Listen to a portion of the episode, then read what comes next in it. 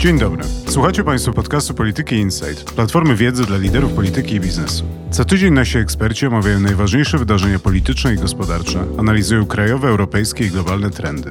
Ja nazywam się Andrzej Bobiński i zapraszam do wysłuchania kolejnego odcinka i odwiedzenia strony Polityki Insight www.politykainsight.pl.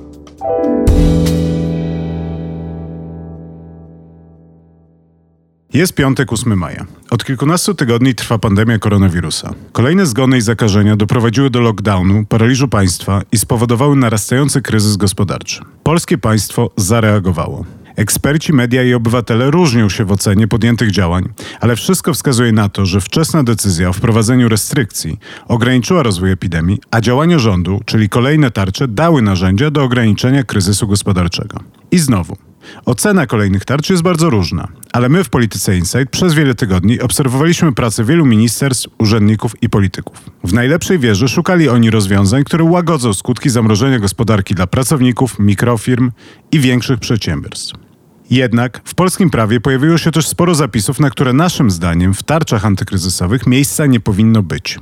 Chodzi tu o osobliwe zapisy, które pojawiły się w ostatniej chwili w aktach prawnych albo wręcz w zaskakujący sposób pojawiły się jako poprawki poselskie o różnych porach dnia i nocy. I o tym właśnie chciałbym porozmawiać dziś z Hanną Cichy, analityczką do spraw gospodarczych, która była częścią większego zespołu analitycznego, który czytał ustawy, śledził tryb ich powstawania, a następnie opisywał je dla naszych abonentów. Zapraszam do rozmowy na temat tego, o czym powinniście wiedzieć, a co mogło Wam umknąć. Haniu, chciałem Cię poprosić, żebyśmy trochę uporządkowali temat tarcz. Może zaczęlibyśmy od pytania, co to jest tarcza i ile tych tarcz powstało? Numeracja tarcz to jest dosyć skomplikowana sprawa i chyba każdy ma własną. Można powiedzieć, że jest ich chyba łącznie z tym, co jest w procesie legislacyjnym około czterech, albo można powiedzieć, że nie ma ani jednej, bo nie ma takiej ustawy, która byłaby stricte ustawą gospodarczą podporządkowaną przeciwdziałaniu czy mitygowaniu tego kryzysu gospodarczego, który nam w związku z epidemią grozi.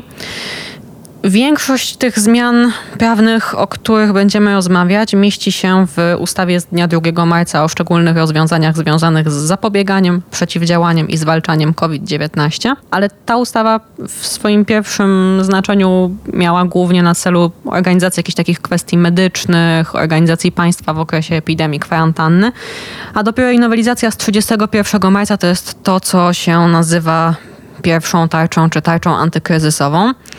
I tam są te najważniejsze zmiany gospodarcze, zwolnienie z ZUS, specjalny zasiłek opiekuńczy, dopłaty do wynagrodzeń, zawieszenie biegu różnych terminów administracyjnych i sądowych, czyli to, co jest ważne dla przedsiębiorców, a tak zwana tarcza finansowa, czyli ten projekt, w ramach którego PFR udziela subwencji firmom, prawie w ogóle nie jest ustawą. Tam była zmiana ustawy o PFR, ustawy o instytucjach rozwoju, ale sama konstrukcja tej tarczy, tego komu są przyznawane subwencje, ile to nie jest akt ustawowy, to jest akt niższego rzędu, więc nie ma jednej ustawy, która byłaby stricte o gospodarce. Te akty prawne, które są i które są często nowelizowane, one obejmują bardzo szeroki zakres zagadnień. Na ile w idealnym świecie powinno być tak rzeczywiście, że jest jedna wielka ustawa, która jest tarczą i odpowiada na właśnie te zagadnienia gospodarcze, a na ile to jest naturalne i normalne, że w różnych aktach prawnych próbuje się porządkować legislacyjnie świat, z którym przyszło nam się mierzyć w obliczu pandemii? Myślę, że sytuacja jest zupełnie ponadstandardowa i jeszcze się z nią nie zmierzyliśmy. Ten bałagan prawny, który teraz mamy i to, że z tych tarcz się ciężko korzysta i z tych aktów prawnych się ciężko korzysta, wynika z kilku rzeczy.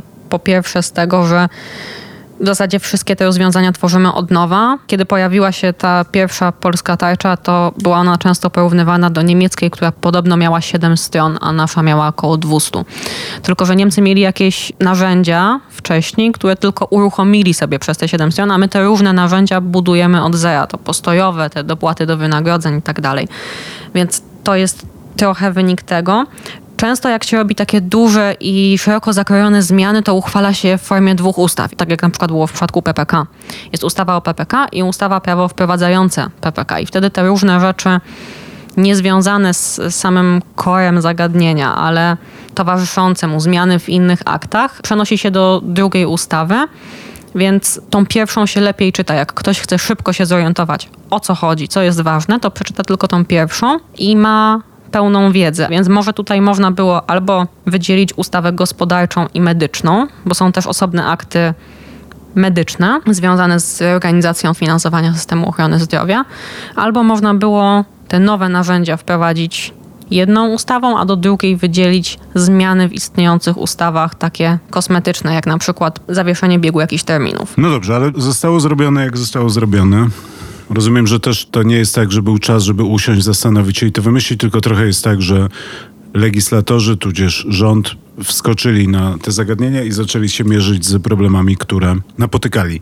Więc chciałem się ciebie zapytać, tak podsumowując tą część naszej rozmowy, jak oceniasz jakość tych aktów prawnych i czy biorąc poprawkę na okoliczności, w których powstawały, biorąc poprawkę na to, jak działa nasza administracja i nasz parlament, czy uważasz, że te akty prawne i te ustawy zostały przygotowane zgodnie ze sztuką i czy rzeczywiście zmierzyły się z tymi problemami, z którymi zmierzyć się miały? Ja nie jestem prawniczką, jestem ekonomistką, ale kończyłam takie studia, które się nazywały Ekonomiczna Analiza Prawa i tam nas uczyli, że prawo to jest narzędzie, ważne narzędzie dla gospodarki i że ono musi być dobrze funkcjonujące, musi być zrozumiałe, musi być spójne i różne zasady, które mamy, tak zwane zasady techniki legislacyjnej, służą temu, żeby to prawo było właśnie spójne, żeby dobrze się łączyło z innymi aktami prawnymi już wcześniej istniejącymi żeby dobrze się z niego korzystało. W tej chwili te nasze ustawy antykryzysowe Myślę, że dałoby się zrobić z nimi parę rzeczy, które nie wymagałyby kolejnych tygodni prac, bo oczywiście to jest bardzo ważne, żeby zmiany były wprowadzane jak najszybciej, ale gdyby można je na przykład, nie wiem, opóźnić o jeden dzień, ale kosztem tego jednego dnia uporządkować ją w rozdziały.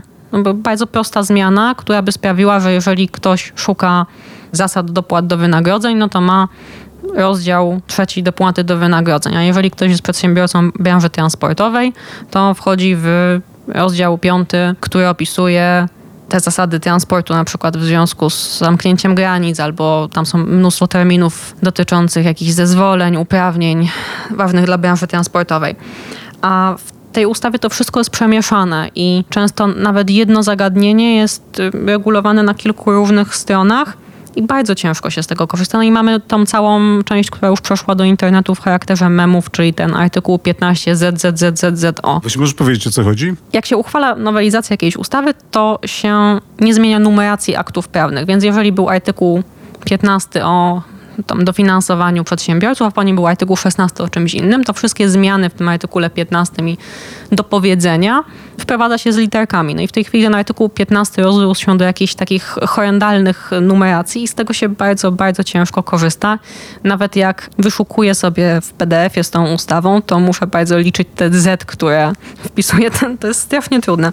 A ja jestem w tej super komfortowej sytuacji, w której to jest moja praca. Ja mogę siedzieć i czytać te ustawy, a gdybym była przedsiębiorcą, nie wiem, prowadzącym knajpę i myślała, czy zwolnić pracowników, kogo, kiedy, czy jestem w stanie zorganizować usługi cateringowe, czy ktoś to będzie kupował, czy bank mi da pożyczkę i w międzyczasie musiała czytać te ustawy, no to to się robi zadanie takie trochę już niemożliwe. No dobrze, Haniu, to teraz proszę Ciebie, żebyśmy przeszli do drugiej części naszej rozmowy, bo to, o czym rozmawiamy, to są problemy z uchwalaniem prawa Natomiast to, co chciałem Ciebie zapytać, to jest, co znalazło się w tych aktach prawnych, w tych tarczach kolejnych, a z epidemią nie ma związku. To znaczy, o tą rzeczywistość, w której w pewnym momencie rządzący zaczęli wkładać tam różne zapisy, które kompletnie nie miały związku z pandemią koronawirusa. Tak, ja czytając te ustawy podzieliłam sobie te przepisy na trzy kategorie.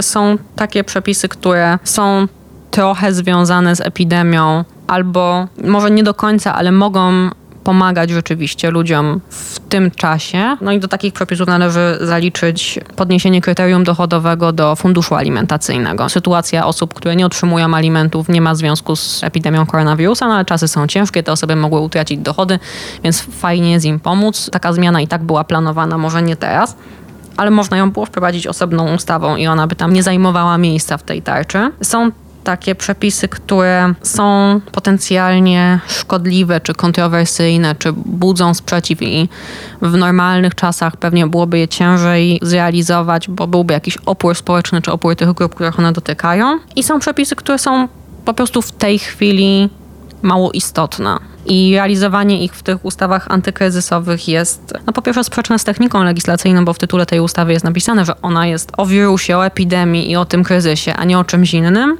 A po drugie, jakby zajmuje też czas i parlamentarzystom, jakimś legislatorom rządowym, którzy nad tym pracują. No to już zacznijmy od tej pierwszej kategorii, czyli te rzeczy, które niekoniecznie są bezpośrednio związane z, ale mogą jakoś pomóc. Tak jak powiedziałam, przede wszystkim ten fundusz alimentacyjny. No i są takie aspekty, które tu mieliśmy wcześniej, rozmawialiśmy o przepisach tak zwanej antylichwy. Jest jakiś długotrwały projekt Ministerstwa Sprawiedliwości. On od poprzedniej kadencji gdzieś trochę tą branżę pożyczkową próbuje wziąć w ryzy i już na samym początku, jeszcze w marcu wprowadziło dosyć istotne ograniczenia dla branży pożyczkowej. Można argumentować, że to jest po to, żeby bronić tych biednych pożyczkodawców. Natomiast można też argumentować, że w normalnych czasach znowu ta branża by zorganizowała jakiś opór, jakiś lobbying. Może te zmiany by przeszły, może nie, może w łagodniejszym kształcie, ale nie było przestrzeni i czasu na konsultacje społeczne, na jakąś prawdziwą dyskusję w obu izbach parlamentu nad tym, bo wszyscy się skupiali nad tym, co jest istotne dla wszystkich firm, a nie dla tej konkretnej branży. Też rozmawialiśmy o podatku od platform VOD, czyli Video On Demand. Tak, niezależnie od oceny tego, czy taka opłata i w takiej formie, bo to nie jest podatek, to jest opłata na rzecz Polskiego Instytutu Sztuki Filmowej. Czy ona jest zasadna, czy jest takiej wysokości, jakiej być powinna, nie wchodząc w to, to moim zdaniem to nie są czasy na wprowadzanie nowych obciążeń tak jak wypowiadałam się i pisaliśmy pozytywnie dosyć o tym podatku, czy opłacie właśnie od napojów słodzonych, wierząc, że ona może rzeczywiście spełniać ten cel, czyli zapobiegać otyłości związanych z nią chorób, ale cieszę się, że te prace zostały zahamowane w okresie kryzysu, no to, to nie jest czas na wprowadzanie nowych obciążeń. Branża nie może pracować wspólnie nad tymi przepisami. Organizacje przedsiębiorców też skupiają się na tym, co jest najistotniejsze, czyli na tych dopłatach, ulgach dla wszystkich, a nie na tym, co jest sektorowe. No ale poczekaj, Hania, ale z drugiej strony rozumiem, że problem jest taki, że jest Polski Instytut Sztuki Filmowej, który powinien finansować polską produkcję filmową. Normalnie jest dofinansowany przez pieniądze z biletów z kin. W tym momencie kina są zamknięte, więc Polski Instytut Sztuki Filmowej nie dostaje pieniędzy i nie wiadomo, kiedy te kina zostaną otwarte.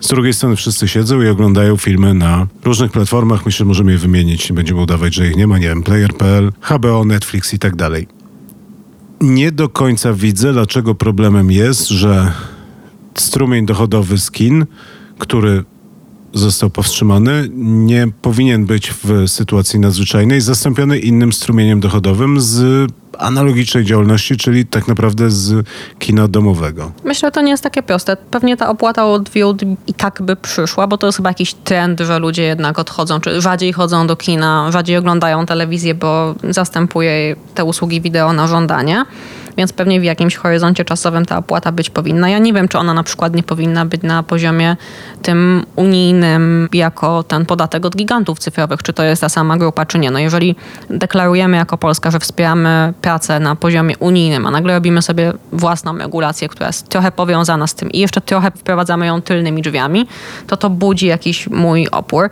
A poza tym to nawet nie są duże pieniądze. Jeżeli mówimy o tym, że budżet będzie miał kilka, może 8% deficytu w tym roku, system finansów publicznych, to wygospodarowanie tych to jest jakieś kilkanaście milionów na Instytut Sztuki Filmowej nie jest wielkim problemem. I już wolałabym widzieć te kilkanaście milionów w tym roku w deficycie i od przyszłego roku wprowadzoną poprawnie opłatę od VOD, niż robienie czegoś takiego trochę tylnymi drzwiami. No dobrze, to teraz może przejdźmy do tych Michałków, czyli do twojej trzeciej kategorii. Ja je zamienię kolejność. Czyli te różne zapisy, które pojawiły się w tych tarczach, trochę nie wiadomo dlaczego i po co. Tak, moim, mówiąc trochę złośliwie, ulubionym fragmentem jest zmiana w ustawie o Instytucie Solidarności i Męstwa imienia Rotmistrza Witolda Pileckiego, która będzie mogła tworzyć oddziały zamiejscowe. No, ja, ja się na tym nie znam, może to jest ważne, natomiast nie widzę żadnego wpływu na obecną sytuację i czy obecna sytuacja zmniejsza możliwość funkcjonowania tej jednostki, ale nawet no, nie można nikogo wysłać do tych oddziałów zamiejscowych, bo nie możemy się przemieszczać pomiędzy krajami, więc zupełnie tego nie rozumiem.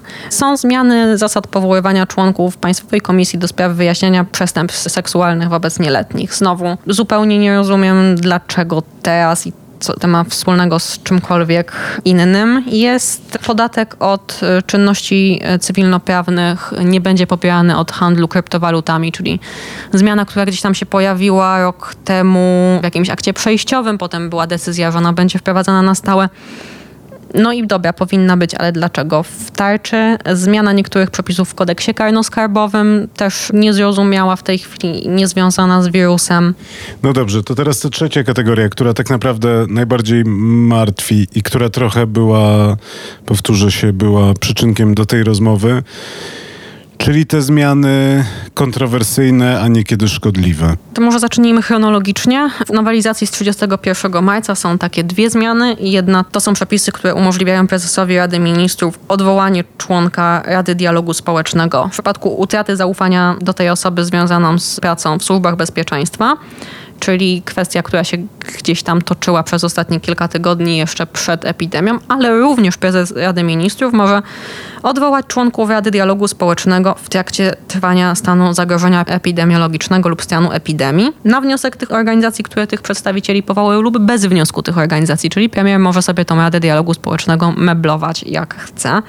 No i w sytuacji, kiedy jednak konsultacje z tą Radą Dialogu Społecznego są potrzebne i muszą się toczyć szybko i sprawnie, to takie pogarszanie nastrojów y, jest, no myślę, że potencjalnie szkodliwe dla wszystkich uczestników tego dialogu i dla odbiorców jego efektów, czyli dla gospodarki. I w tej samej ustawie jest temat, y, którym mieliśmy nie rozmawiać, ale nie możemy, czyli wybory. Bo w tej ustawie, która właśnie wprowadzała najwięcej tych zmian gospodarczych, wyczekiwanych, potrzebnych, zwolnienia z ZUS-u, dopłaty do wynagrodzeń. 26 marca ustawa wchodzi do Sejmu i w nocy z 27 na 28 w drugim czytaniu pojawia się poprawka poselska zakładająca głosowanie korespondencyjne dla osób starszych i niepełnosprawnych.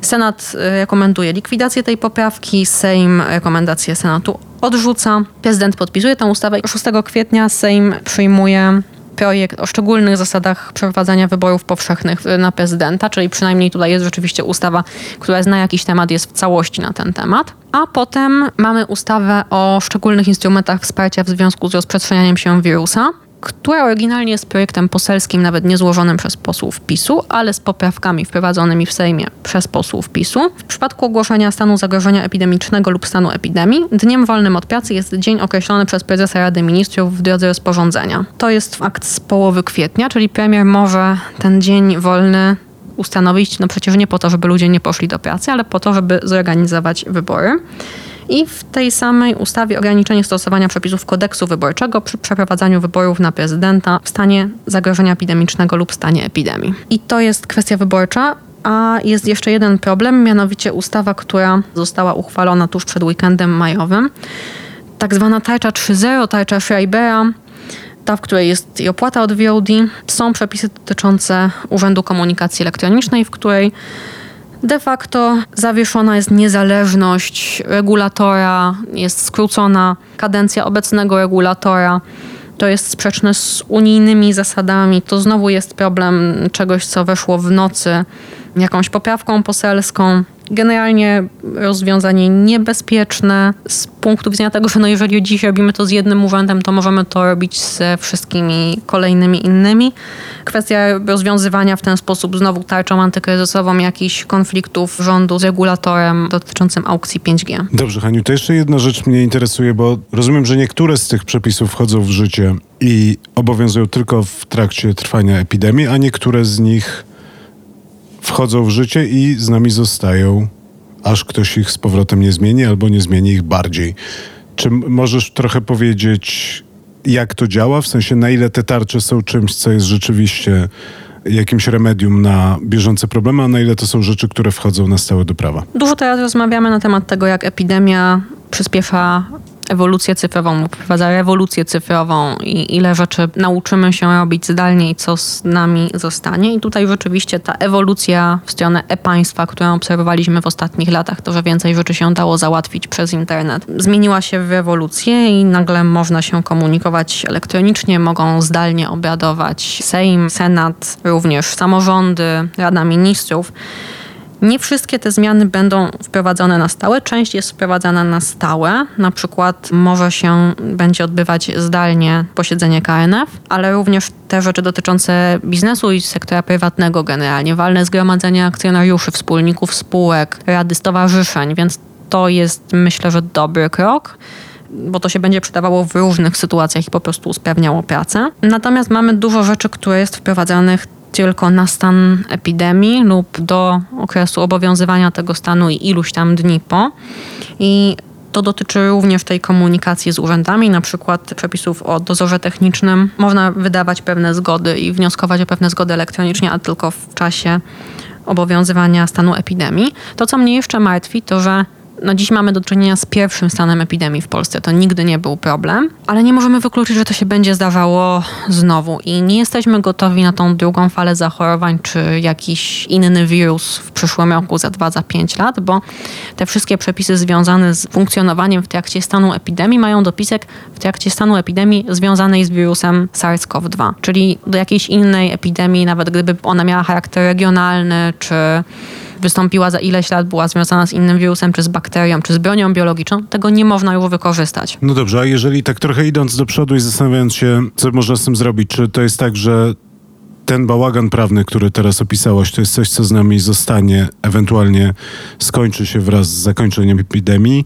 a na ile to jest tak, że można by to jednak uporządkować i teraz, zakładając, że jest trochę więcej czasu i że mniej pilne są potrzeby legislacyjne, możemy na przykład to znowelizować, poprzekładać te akty prawne i jakoś spróbować zaprowadzić w tym wszystkim porządek. Czy myślę, że tu to jest trochę tak, że jeszcze można stwierdzić, że robiliśmy to wszystko na szybko, ale teraz usiądźmy i się zastanówmy, jak to uporządkować, czy to jest trochę tak, że to już weszło w życie i hulej dusza piekła nie ma? Myślę, że ruszanie tego teraz nie jest dobrym pomysłem. Po pierwsze, mamy dalej różne niezałatwione problemy związane z epidemią. To jest kwestia finansów samorządów, to jest kwestia ochrony bezrobotnych, funkcjonowania pomocy społecznej w okresie stanu epidemii. Dużo ważnych problemów, które jeszcze nie jest rozwiązane. Bardzo bym sobie i wszystkim życzyła, żeby po ustaniu tego stanu epidemii rzeczywiście zrobić taki dogłębny przegląd tych przepisów i zastanowić się, co z tych rozwiązań powinno działać jako automatyczne stabilizatory. I na czas stanu epidemii, ale też na czas jakichś innych zagrożeń. Ja czytałam też, przeglądałam ustawę o stanie klęski żywiołowej, żeby sprawdzić, jakie problemy ona by potencjalnie rozwiązywała. Ona części problemów nie rozwiązuje, chociażby dlatego, że była pisana w czasach, kiedy nie mieliśmy takich możliwości technicznych, porozumiewania się na odległość i tak dalej, więc no, w czasach, kiedy ona powstawała, rozmawianie o jakimś e-walnym zgromadzeniu czy e-rządzie było niemożliwe, a teraz jest, więc dobrze by było zrobić taki solidny pakiet przepisów antykryzysowych, które umożliwiają sprawne działanie państwa, różnych instytucji, również prywatnych, pomoc dla firm, nowe zasady funkcjonowania pomocy społecznej i tak w okresie no, na przykład stanu klęski żywiołowej czy stanu epidemii i zabezpieczyć się w ten sposób na przyszłe wydarzenia. Mamy kryzys klimatyczny, o którym trochę zapominamy, ale on o nas nie. I jak czytam te ustawy, to się zastanawiam, a gdybyśmy byli w tym miejscu, w którym była Australia w styczniu i w jednym województwie szaleją takie pożary, że nie da się wychodzić z domu, to część tych przepisów byłaby fajna, je się da wykorzystać. Tylko one musiałyby być gotowe w taki sposób, że się je tylko w jakiś sposób odpala i wtedy rzeczywiście wracamy do tej rzeczywistości niemieckiej i mamy siedmiostronicową ustawę antykryzysową. Dobrze, Haniu, to na koniec. Ostatnie pytanie chciałem ciebie zapytać o twoje osobiste zdanie, o to na ile to, o czym teraz rozmawialiśmy, postrzegasz jako jakoś taką trochę kłopot, śmiesznostkę, no koszmarek prawny, który powstał przy okazji epidemii. Na ile jest to to większy problem, a na ile to jest jakby ta najcięższe oskarżenie w tej mojej trzystopniowej skali oburzenia, podkopywanie fundamentów państwa prawa? Myślę, że dużo z tych rzeczy, które się teraz dzieją, to nie są nowe rzeczy, tylko że trochę inaczej oceniamy, jak mamy jednak dobrą sytuację. Gospodarka rośnie, ludziom żyje się lepiej i nawet jak ktoś robi coś dziwnego i wprowadza nowe opłaty bez konsultacji z branżą, no to jakoś sobie z tym poradzimy.